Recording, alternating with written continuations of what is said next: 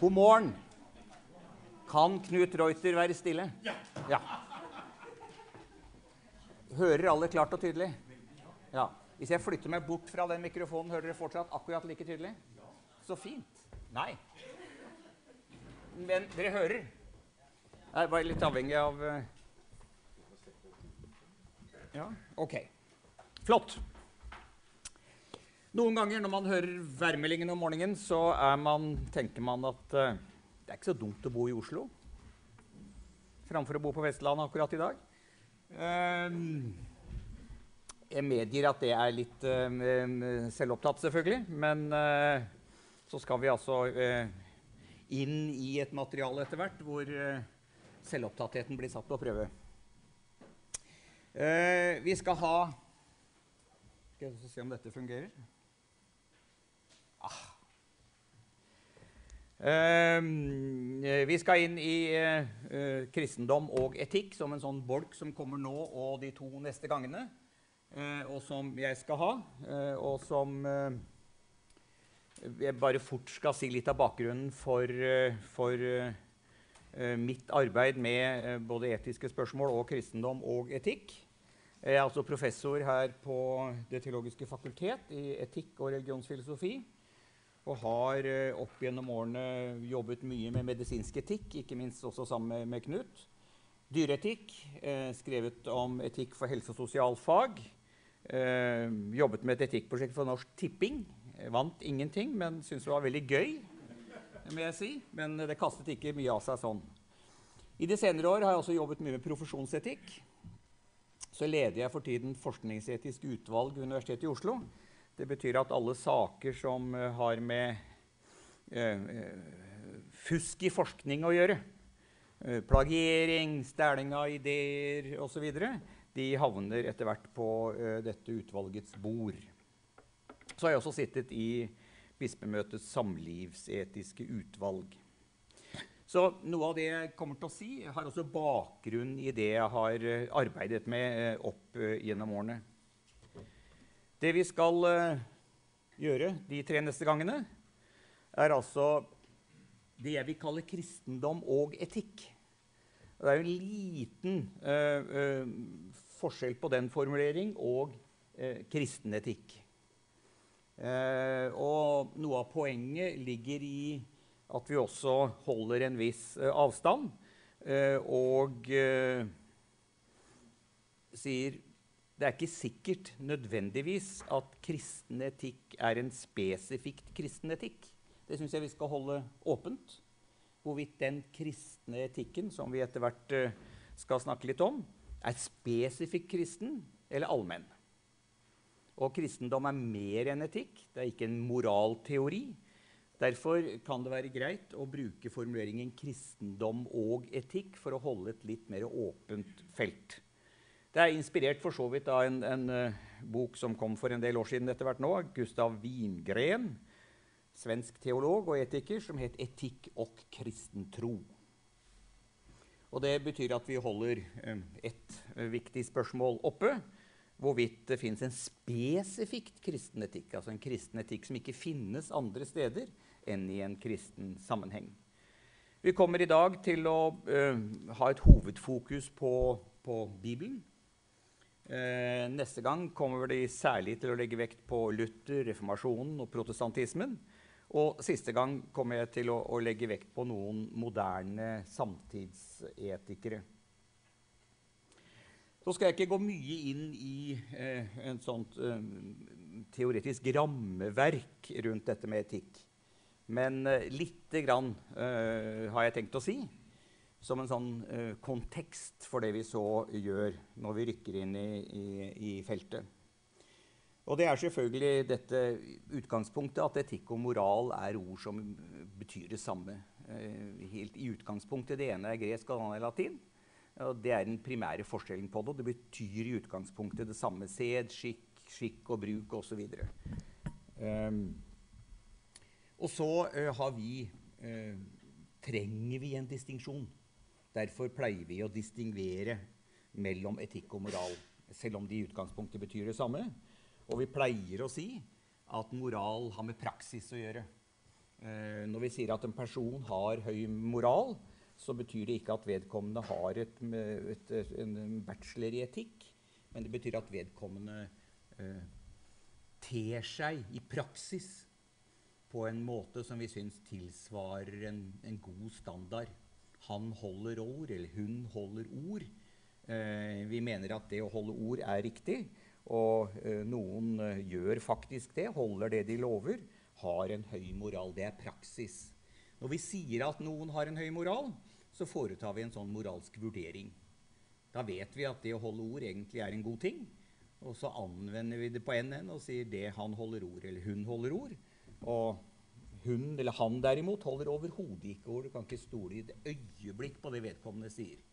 Rundt hjørnet så er det noe annet. Så da vurderer vi handlinger og personer ut fra en gitt standard eller en norm. Det er moralsk eh, eh, praksis og moralsk vurdering. Etikk derimot er tenkning. Det er teori. Det er tenkning om moralen. Og en etisk vurdering, da vurderer vi ikke nødvendigvis hvorvidt folk holder ord, men vi vurderer hvorvidt det å holde ord egentlig alltid er riktig? Må vi det? Hvorfor må vi det? Er det noen grunn til alltid å holde det man lover? Er det ikke andre ting man også skal? Og så da er vi inne i en etisk vurdering. Vi vurderer en standard. Vi spør hvilke regler som skal gjelde, hvilke kriterier vi skal bedømme vanligvis eh, andre etter. Vi har lettere for å vurdere andres atferd enn egen. Så eh, ofte eh, bruker vi våre standarder eh, mer konsekvent på andre enn på oss selv. Denne litt enkle distinksjonen mellom etikk og moral eh, innebærer at vi også ofte eh, vil bli sittende eh, med en modell som ser noenlunde sånn ut. Eh, vi har etikk, eller vi jobber med etikk, vi lager oss en etisk teori, vi finner ut de etiske standardene, og så anvender vi den på praksis. Og så blir praksis moralsk. Så hvis det, mm, Ofte vil det jo uh, dere så se i media at, at, hvis det er felter hvor man sier at her er det dårlig moral, så, så, vil mange si også her må det mer etikk til. Altså her er det for lite etikk. Nå må uh, næringslivet lære litt etikk, fordi nå er det for dårlig moral i næringslivet. Moralen kommer fra etikken. Det er et visst problem med den modellen. Uh, og det er jo selvfølgelig at uh, det er ikke en sånn innlysende sammenheng. Uh, det er altså faktisk mulig å ha en doktorgrad i etikk og ha en dårlig moral. Og, og selv om dere nå ikke bare går opp til eksamen, men får A alle sammen, så sier ikke det noe om hva slags moral dere har. Så det er ikke gitt nødvendigvis at det er en sammenheng mellom det å kunne etikk og det å ha en høy moral. Og det henger sammen med uh, et forhold som vi kan uh, stille opp på denne måten og spørre fins det en, en, en praksis uh, uten moral. Altså er det, tenk, er det, mulig å tenke seg at vi så å si har en praksis, livsform, og det fins ingen moral i den i det hele tatt? ingen moralske overveielser, ingen moralske standarder. Eh, og så må vi altså da lære litt etikk for å gjøre den praksisen moralsk.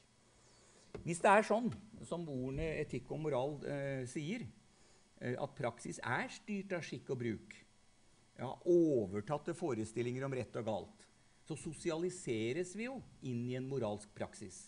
Altså Lenge før vi begynner å tenke over uh, hva som er rett og galt, stort sett, og ikke, for ikke å snakke om forholdet mellom etikk og moral, så er vi sosialisert inn i måter å leve på som er moralsk og etisk eh, formatert. Vi lever innlevd i moralske prosjekter. Barneoppdragelse er et moralsk prosjekt. Samliv er et moralsk prosjekt. Ekteskap, skole, sykehus alt er moralske prosjekter. Også et universitet er det. Er ikke, derfor er det ikke sånn at dere lager dere en, en, teori om hva et universitet er, hvilke normer som kan gjelde eller ikke gjelde på et universitet, og så anvender dere disse normene på det å studere på Oslo universitet. Dere begynner på universitetet og møter et sett med normer. Altså, Virksomheten her er strukturert sånn på forhånd. Og, og hvis dere eh, enten fusker til eksamen eller lager en doktoravhandling som bare er plagiat, så vil dere oppdage at det er ganske kontante normer som gjelder. Og det nytter ikke å si at 'det visste jeg ikke'. Det er sånn. Dere sosialiseres inn i moralske prosjekter, og livet er fullt av sånne moralske prosjekter. Og sånn sett så er livet moralsk. På godt og vondt. Sier ikke noe om standarden, om den er god eller dårlig. Den bare er sånn. Eh, lenge før vi begynner å arbeide med etikk. Derfor er det også sånn at noen ganger må vi tenke over moralen i prosjektene våre. Det gjør vi jo ikke hele tiden. Det reflekterer vi. Vi kan ikke gå rundt og tenke over det moralske innholdet i alt vi foretar oss. Vi gjør det sånn som vi pleier, eller sånn som andre pleier. Men noen ganger må vi stoppe opp og begynne å tenke over den moralen vi er sosialisert inni, eller har lagt oss til etter hvert. Så en praksis uten moral, det er en uh, I og for seg uh, Eller det er en umulighet. Og Det betyr at den modellen som dere så i sted, vil jeg gjerne justere litt på denne måten her. Ved at utgangspunktet er moralen. Og så er det noe i den moralen vi enten har eller er sosialisert inn i, som innebærer at vi også må tenke over den. Eh, vi utfordres. Vi, vi eh, er nødt til å eh, Vi står kanskje overfor handlingsvalg som er kompliserte. Vi vet nærmere ikke hva det er riktig å gjøre. Vi kan utfordres til å begrunne våre standpunkter. Noen spør ja, men i verden, hvorfor det? Hvorfor mener du det? Eller hvorfor gjør du sånn? Eller vi kan fra tid til annen våkne opp om morgenen og se oss i speilet og si hva er det jeg vil stå for? Hva, hva er min? Hva er egentlig den Eh, standarden som jeg syns det er rimelig at jeg lever etter. Og hvem er nå egentlig jeg? Jeg gjør ikke kanskje akkurat om morgenen, da, men eh, da er det greier å, å, se om man kommer i gang. Men på et eller annet tidspunkt så melder dette eksistensielle spørsmålet seg. Hva er moral for meg? Hva vil jeg stå for? Hva vil, hva vil jeg ha som, som, basis eh, for min virksomhet? Det er en rekke ting som gjør at vi noen ganger stopper opp og begynner å tenke over moralen i prosjektene våre. Da driver vi med etikk. Dette betyr altså at etikk forutsetter moral, og ikke omvendt. Det er ikke sånn at moral forutsetter etikk, men etikk forutsetter moral. Livet er moralsk før vi begynner å arbeide etisk med det. Og det eh, kommer av at moralen er knyttet til det vi kan bruke forskjellige ord. Interdependens, gjensidig avhengighet av hverandre, dette at vi er involvert i hverandres liv, eller det at vi alltid har noe andres liv i vår hånd, og noen har noe av mitt liv, mye eller lite, i sin hånd. Altså, livet er en sammenveving med andre mennesker. Og moralen handler om måten vi lever sammen på. Og vi begynner å leve sammen før vi tenker over det å leve sammen. Det er ikke sånn at vi tenker først og lever etterpå. Da vil det aldri blitt noe liv. Eh, det er sånn at vi lever først, og så tenker vi over det som regel etterpå. Og Sånn sett så kommer altså eh, samlivet på forskjellige måter først. Eh, og moral handler om måter å leve sammen på. Og etikk kommer når moralsk praksis krever selvbesinnelse av en eller annen grunn, som jeg nevnte. Og Det betyr at det finnes ikke bare en eh, Det finnes ikke bare en allmenn moral. Men det fins også en allmenn etikk, en førfilosofisk etikk. Eh, lagde for mange år siden en rekke sånne små eh, radioprogrammer i, i, NRK om etiske dilemmaer. Eh, var vi tre stykker, og så fikk vi et eh, dilemma over bordet. Så skulle vi drøfte det under en etisk og moralsk synsvinkel. Eh, jeg var gjennomgangsfigur i de programmene for å holde det sammen. Og så var det stadig noen nye gjester som var invitert, som ikke var verken teologer eller filosofer. Men det forhindret dem jo ikke i å resonnere over etiske og moralske spørsmål i samme høy grad som meg. Så det at dette var mitt fagområde, spilte for så vidt ingen rolle. Etikk er også et allment fenomen. Det finnes en førfilosofisk etikk. Førteologisk etikk. Det betyr ikke at det vi så nå gjør, ved å begynne å arbeide med etiske og moralske spørsmål i en akademisk sammenheng, er eh, bortkastet. Det får man håpe det ikke er. Men, men, det betyr at det er ledd i et større allment prosjekt.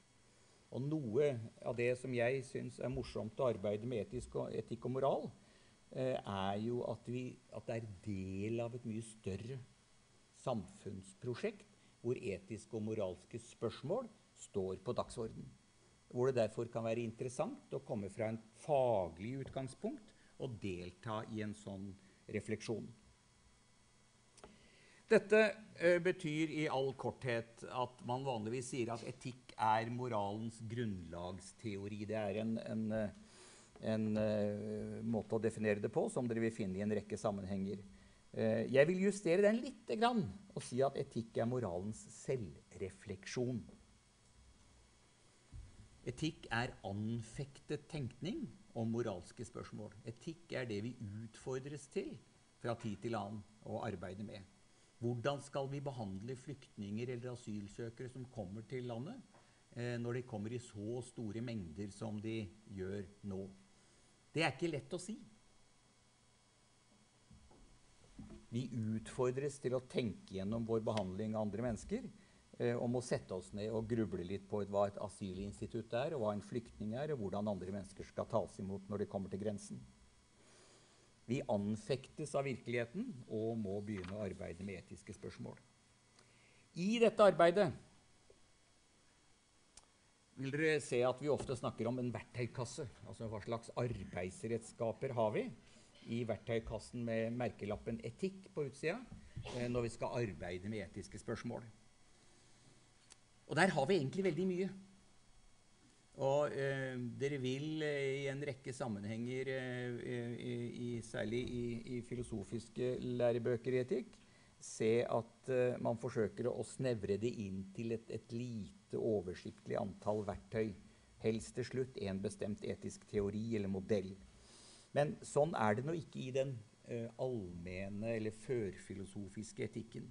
Der er det mange arbeidsredskaper, etiske modeller altså fagfilosofisk etikk, uh, er selvfølgelig viktig.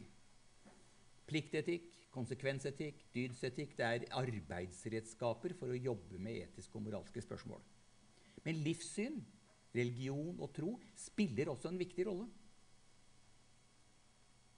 Det er også en betydning som et arbeidsredskap i arbeidet med disse utfordringene.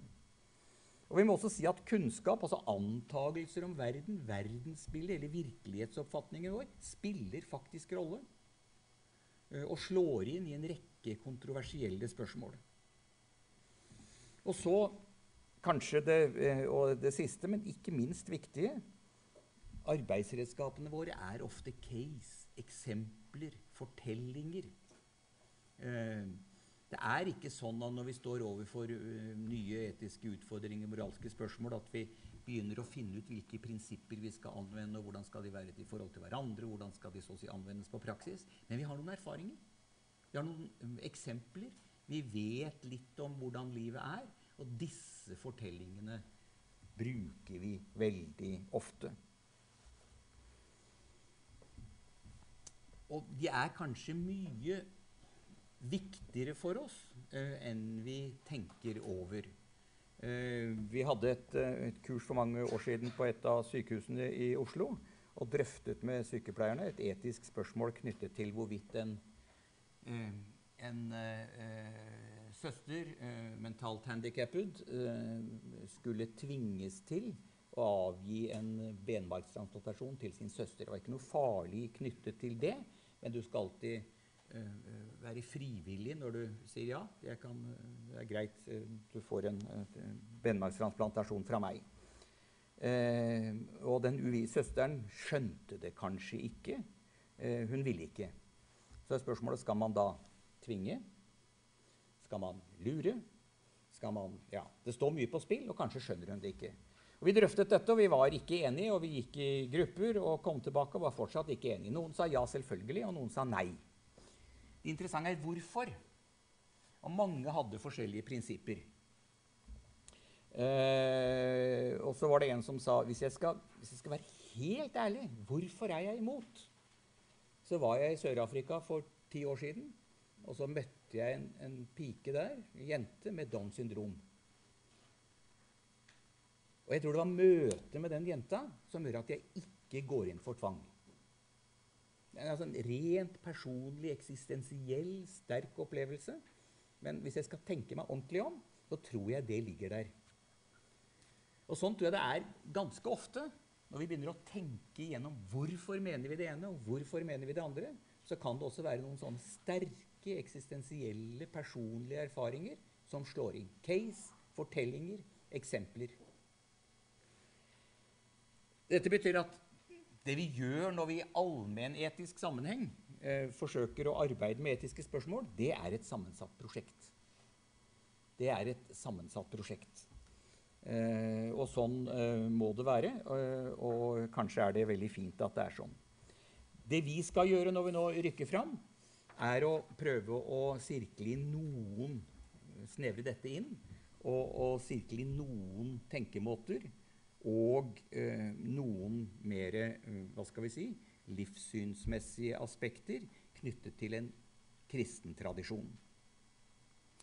Og Samtidig så vil jeg hele tiden eh, understreke at eh, når vi snakker om etisk metode, så, så er vi ikke på jakt etter eh, hva skal vi si, den, den, den, logisk sammenhengende slutningskjeden, den som ingen kan uh, være noe innvending imot, den som er sammenhengende fra A til Å.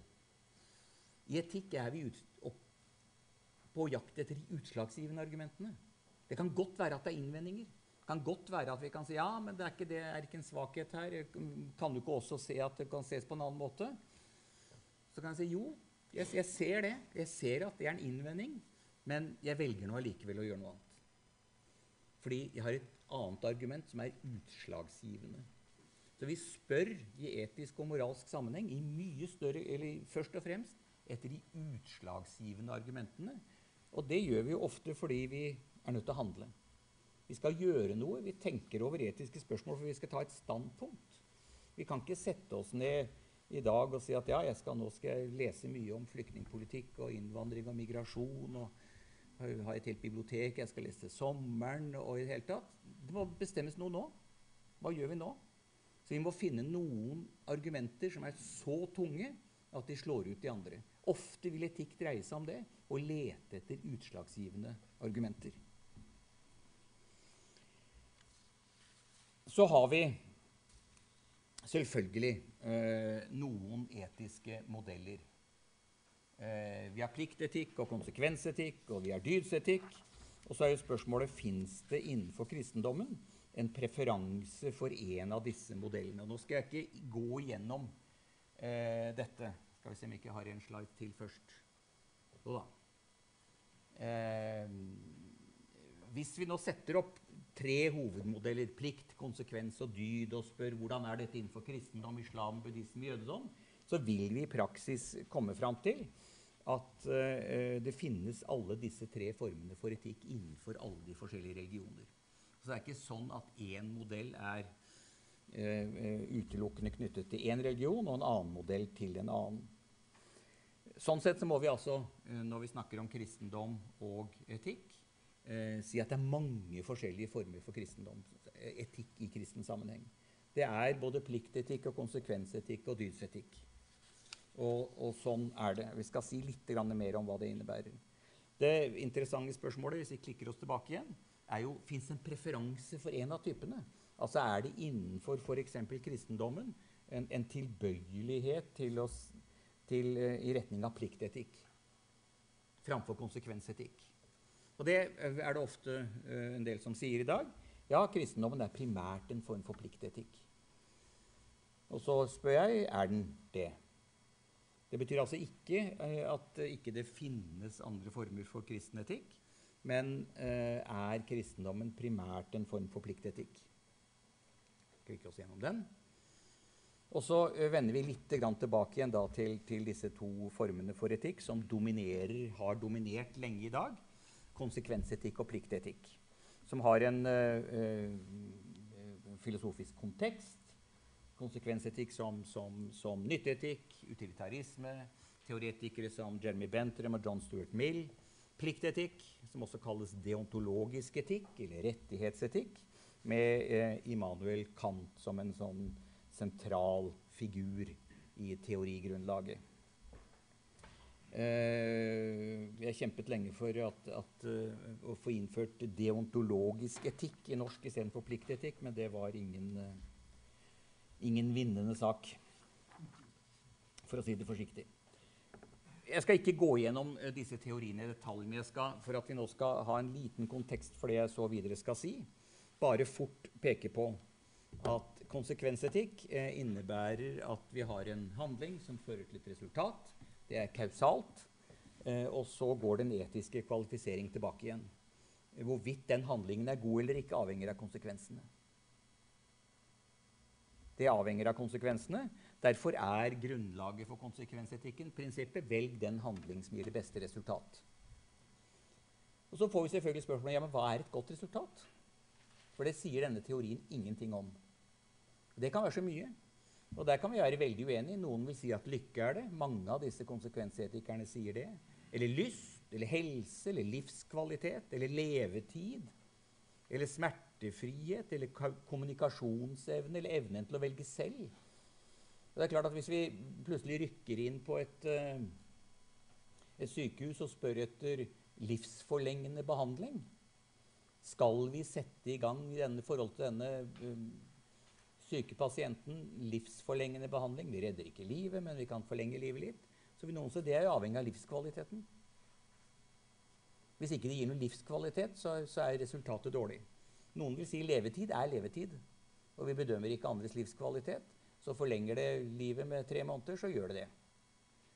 Så selv om alle er enige om at vi skal gjøre det beste, så har vi forskjellige oppfatninger om hva som er best. Så vi trenger altså en, det jeg kaller en verdilære, en lære om hva som er godt i seg sjøl, for å få dette til å rulle og gå som etisk teori. Hvis vi så fort går over til uh, alternativet, som er den eh, dominerende teorien, eh, alternative teorien, pliktetikk eller deontologisk etikk, så er vi ikke uenige om at handlingen fører til konsekvenser. Men det går ingen vei tilbake igjen. Det er ikke konsekvensene som avgjør om handlingen er riktig. Det er noe ved handlingen i seg selv. En pliktetiker vil si det er galt å lyve uansett hva det fører til. Det er ikke konsekvensene av løgnen som, er, eh, som gjør det å lyve galt eller ikke. Det er det å lyve som i seg selv er galt. Og Det betyr at her er prinsippet velg den handling som er best i seg selv. Og så er spørsmålet hvordan vet jeg det, da? Hvordan kan jeg vite hvilken handling som er best i seg selv? Og da er det jo ikke uvanlig å gripe til autoriteter og si ja, men det er du skal ikke lyve fordi det står i Bibelen, eller det står i Koranen. Eh, du skal ikke stjele fordi det står i Bibelen eller Koranen eller Norges lover kommer og tar deg. Så, så eh, det er en autoritet som fastslår dette. Det kunne også være, som et alternativ, den erfaringen vi har i livet. Altså ikke en form for autoritet, men noen sånne case. Jeg har ø, opplevd så mye av livet at jeg mener at det å fortelle ø, og lyve er galt i seg selv. Vi trenger igjen altså noen former for kjennetegn. Og når man sier at kristen etikk er pliktetikk, så er det jo for man sier Bibelen er normgrunnlaget fordi det står i Bibelen, er det sånn og sånn. Og det hender eh, også at man da viser til de ti bud som står i Det gamle testamentet, i 2. Mosebok 20. kapittel, og sier her er det fastslått. Du skal ikke lyve, du skal ikke stjele, du skal ikke bryte ekteskapet. Eh, og da er det sånn fordi det står i Bibelen. Under sånne teorier vil det ofte ligge forestillinger om Bibelen som Guds ord, Guds åpenbaring.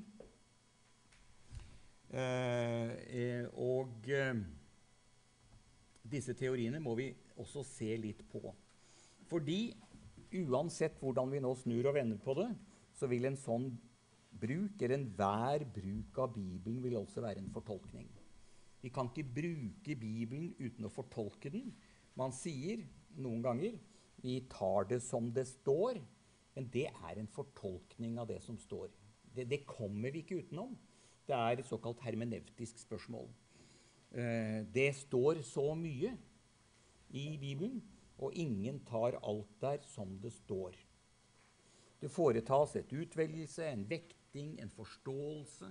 Vi må skjønne hva som står, skjønne hva det betyr, for å kunne ta det. Så det er alltid en fortolkning med når vi bruker Bibelen. Og denne fortolkningen er det da viktig å ha in mente. Og i vår sammenheng eh, er det jo viktig å presisere at vi for det første fortolker Bibelen under en historisk kritisk synsvinkel. Og Det betyr at vi har for øye at Bibelen er, en, ikke bare en gammel bok, men det er mange bøker, og det er en sammensatt bok. Eh, allerede oppdelingen i GT, Gamle testamentet og Det nye testamentet eh, sier jo det. Eh, det gamle, de nytestamentlige skriftene er rundt 1900 år gamle, mens de gammeltestamentlige er betydelig eldre. Eh, eh, og eh,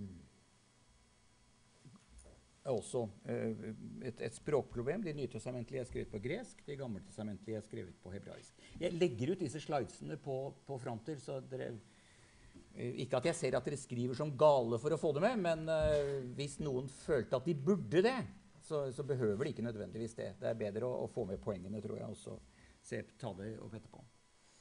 Uh, og i, denne sammenhengen er det ikke uvanlig, særlig i en protestantisk sammenheng, å si at det nye testamentet er en norm for Det gamle testamentet. Dvs. Si, det som gjelder i Det gamle testamentet, er det som korresponderer med Det nye testamentet. Det er mange ting i Det gamle testamentet som ikke korresponderer med Det nye testamentet. Eh, og vanligvis vil man se da er det Det nye testamentet som teller. Sånn sett bruker man altså Det nye testamentet eh, som en norm for lesningen av Det gamle testamentet, tolkningen og bruken av Det gamle testamentet. Og det er klart Den dramatiske forskjellen bare for å minne om det, er at hele Det gamle testamentet er fra før Jesu tid, og hele Det nye testamentet er etter Jesu tid og handler om Jesu betydning for mennesker, verden, etikk og moral.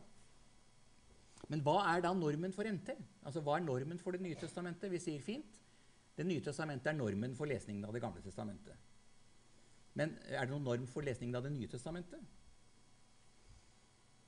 Vel, det er en del tekster som uh, opp gjennom tiden har utfordret uh, Kirken til å måtte tenke igjennom det. Og jeg skal uh, fort nevne noen av disse tekstene.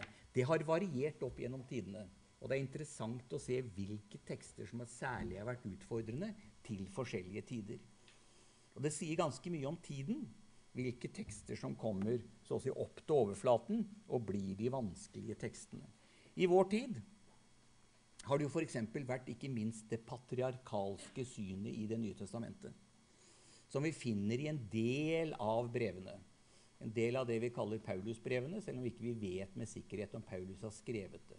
Kanskje har Paulus skrevet Efeserbrevet, kanskje ikke. Det vet vi ikke.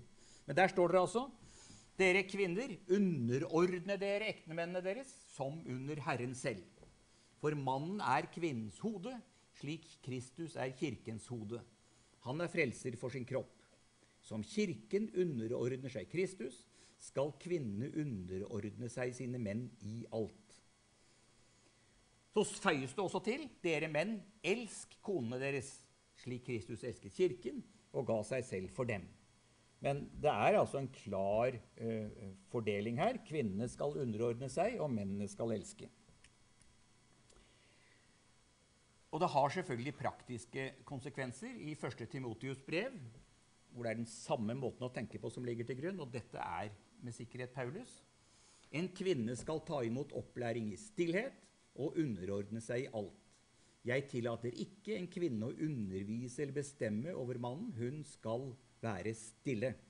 For Adam ble skapt først, og så Eva. Eh, Paulus har en annen sted føyd til, men så er det nå engang sånn at mannen kommer til verden gjennom en kvinne. Men eh, eh, dette er jo et skriftsted som har vært brukt til å si vi er imot kvinnelige prester. Paulus er imot kvinnelige prester. Det handler ikke om prestestilling, om embete, om noe som helst sånn, men dette kvinnen skal ta imot opplæring i stillhet, skal ikke undervise, har blitt brukt som et argument mot kvinnelige prester.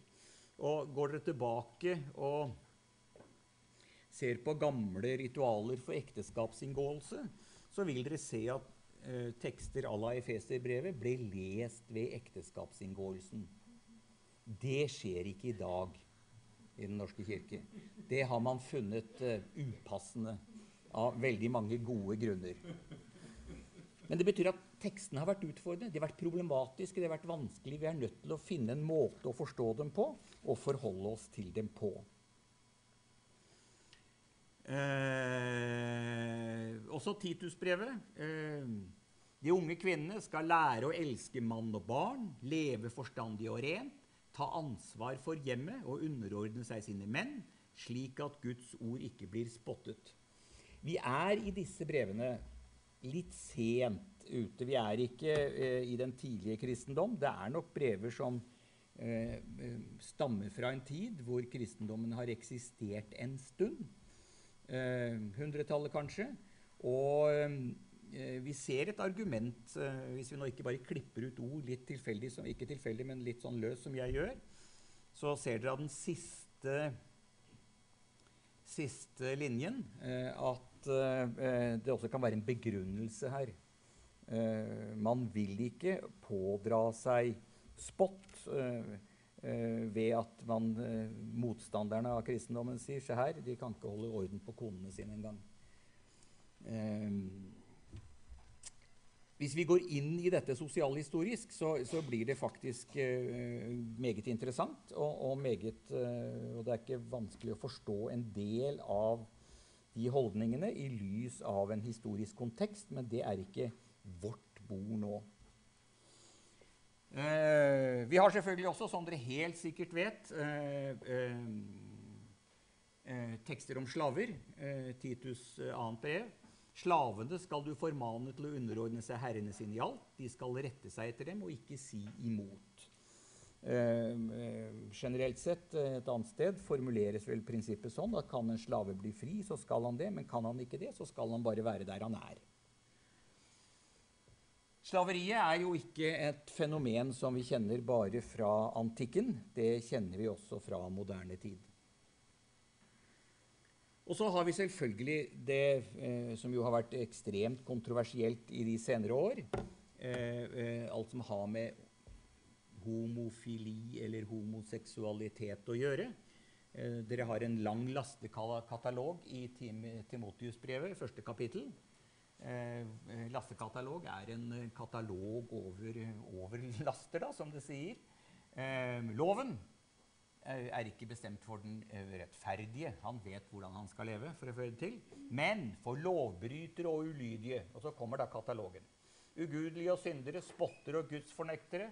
For den som slår sin far og mor, for mordere, den som driver hor, menn som ligger med menn, dem som driver med menneskehandel, løgnere, dem som sverger falskt, og alt annet som strider mot den sunne lære.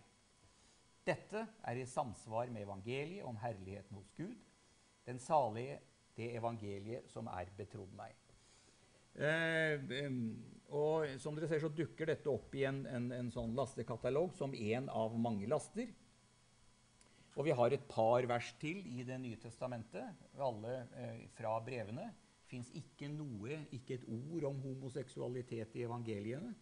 Eh, eller noen ord av Jesus om dette, men vi har noen Paulus-ord. Og dette har selvfølgelig vært kontroversielt i de senere år. Både i forbindelse med eh, legalisering av homofilt samliv, som var forbudt her i landet inntil eh, 1972. Det var for øvrig også det å leve sammen uten å være gift, bare for å ha nevnt det. Um, og i forbindelse med eh, spørsmålet om likekjønnet ekteskap og den nye ekteskapsloven. Så, sånn sett så er det en rekke tekster som har, vært ut, har utfordret i dag eh, Kirken og samfunnet for øvrig til å tenke gjennom hva mener vi om de tekstene. Hvordan skal vi håndtere dem? Hvordan skal vi forstå dem? Hvordan skal vi forholde oss til dem? Eh, kan vi bare ta det som det står? Eh,